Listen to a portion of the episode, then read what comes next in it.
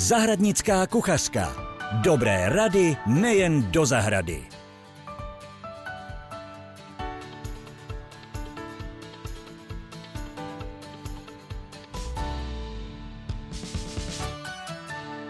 Krásný den, milí posluchači. Vítám vás zahradnické kuchařce, jsem Petra a dneska se budeme bavit o tom, na co se zaměřit v zimě na zahradě a na pěstování rostlin doma. Pokud je venku velký mráz a svítí sluníčko, tak by nás to určitě nemělo vylákat ven a začít střihat odumřelé trvalky a podobně, protože tím se naruší rostlinná pletiva a bylo by to spíše na škodu. My bychom se spíše měli zaměřit na to, co se dá dělat v současnosti doma. A to je třeba příprava na výsevy. Koncem ledna, případně v přelomu února, vyséváme papriky. Rajčata bychom měli vysévat na Josefa, říká se to, takže kolem 19. března, ale můžeme s tím začít i dříve, pokud máme později vyhřívaný skleník, kam můžeme vyrostlé sazenice nasázet. Jak postupovat s výsevy? Je to jednoduché, měli bychom v první řadě zvolit substrát, který je na to vhodný. Je to klasický zahradnický substrát na výsev, množení a řízkování. Já mám osvědčený zahradnický substrát A od rašeliny Soběslav, který obsahuje rašelinu, obsahuje i hnojivo na několik týdnů, je kyprý, vylehčený a pro ty semínka je velmi příznivý. Dále bychom si měli vybrat opravdu kvalitní semena. Někdo preferuje svoje semínka z předchozího roku, a někdo zase každoroční nákup nových semen. Já mám opravdu vyzkoušeno, že ta semena, která si koupím certifikovaná v zahradním centru, tak mi zajistí kvalitní sadbu a budou plody tak, jak bych si představovala. Když si vemu semínka z paprika nebo třeba z rajčat či z jakékoliv jiné zeleniny, tak eh, nemusí ten rok být eh, ty plody takové, jako bychom si představovali. Protože právě nejsou šlechtěny, takže nevíme přesně, co nám pak na tom daném záhonku vyroste. Při předpěstování semen tak volíme mini pařeniště a nebo to můžou být i plastové misky od masa, eh, do kterých si dáme vrstvu substrátu, který trošku rukou utužíme a na to si vložíme semínka, vysejeme, dáme zbylý substrát nebo vrstvičku substrátu, opět uh, upěchujeme rukou a zalijeme. Na zálivku určitě nedoporučuji kolívku, ale spíše postřikovač, protože ta konívka často způsobuje to, že se ty semínka vyplaví.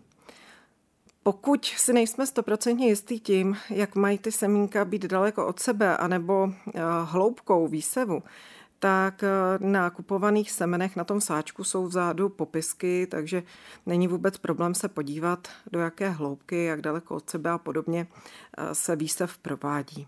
Co se týče zahrady, tak pokud se trošku oteplí, a není úplně mrazivé počasí a úplně nepálí sluníčko, tak je vhodné eh, jít eh, řezat ven stromy, hlavně eh, jabloně. A v půli února provádíme řez také révy vinné.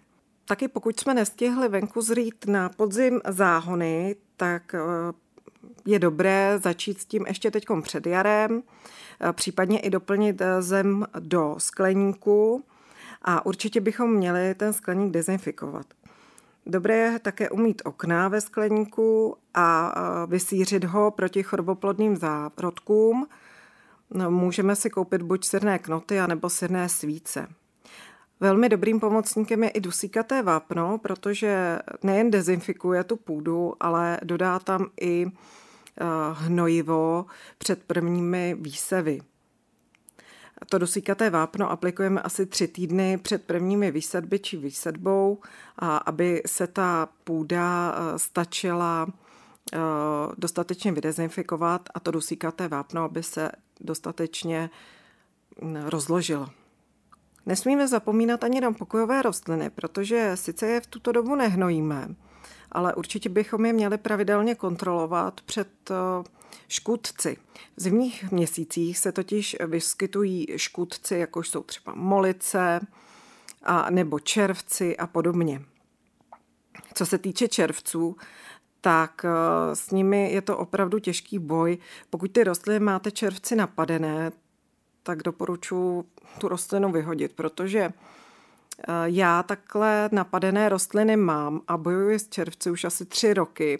Vyzkoušela jsem všechny možné přípravky, které jsou na trhu a, a jelikož těm rostlinám mám nějakou citovou vazbu, nechci se jich vzdát, tak je neustále ošetřuji, ale ty červci se mi po třech týdnech či po měsíci tam ukáží znova. Pokud máte nějakou zkušenost a doporučíte mi přípravek, který pro červce by byl vhodný a opravdu by zaručil, že se jich zbavím, tak by byla ráda, kdybyste mi to do komentářů napsali.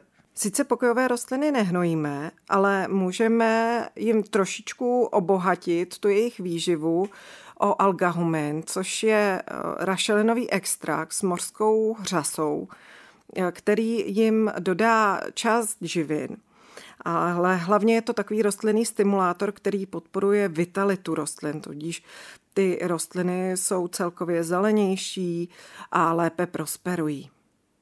Když je zahrada pokrytá sněhem, tak bychom určitě neměli zapomenout jít e, se třeba sníh hlavně z tují nebo z nějakých živých plotů či rostlin, které jsou k tomu náchylné. A mrazu bychom neměli zapomínat chránit rostliny, které jsou zvlášť na mráz citlivé. To znamená buď stálo zelené rostliny, jako jsou třeba rododendrony, většinou teda mladší rostliny, ty starší rostliny to snáší docela dobře, a nebo jsou to hortenzie. Hlavně hortenzie velkolisté, které opravdu mráz e, snáší v mladším věku poměrně špatně. Takže tam je dobrá bílá netkaná textílie a nebo chvojí. No a v neposlední řadě, když se trochu oteplí na zahradě a ty teploty nejsou na bodu mrazu, tak je dobré prolít rostliny, třeba ty rododendrony nebo hortenzie a podobně vodou, a aby se trošičku napily a byly míň pak choulostivé do dalších zimních dnů. Doufám, že se vám dnešní podcast líbil a já se v příštím díle budu s vámi těšit opět na shledanou. Mějte se krásně. Ahoj. Zahradnická kuchařka. Dobré rady nejen do zahrady.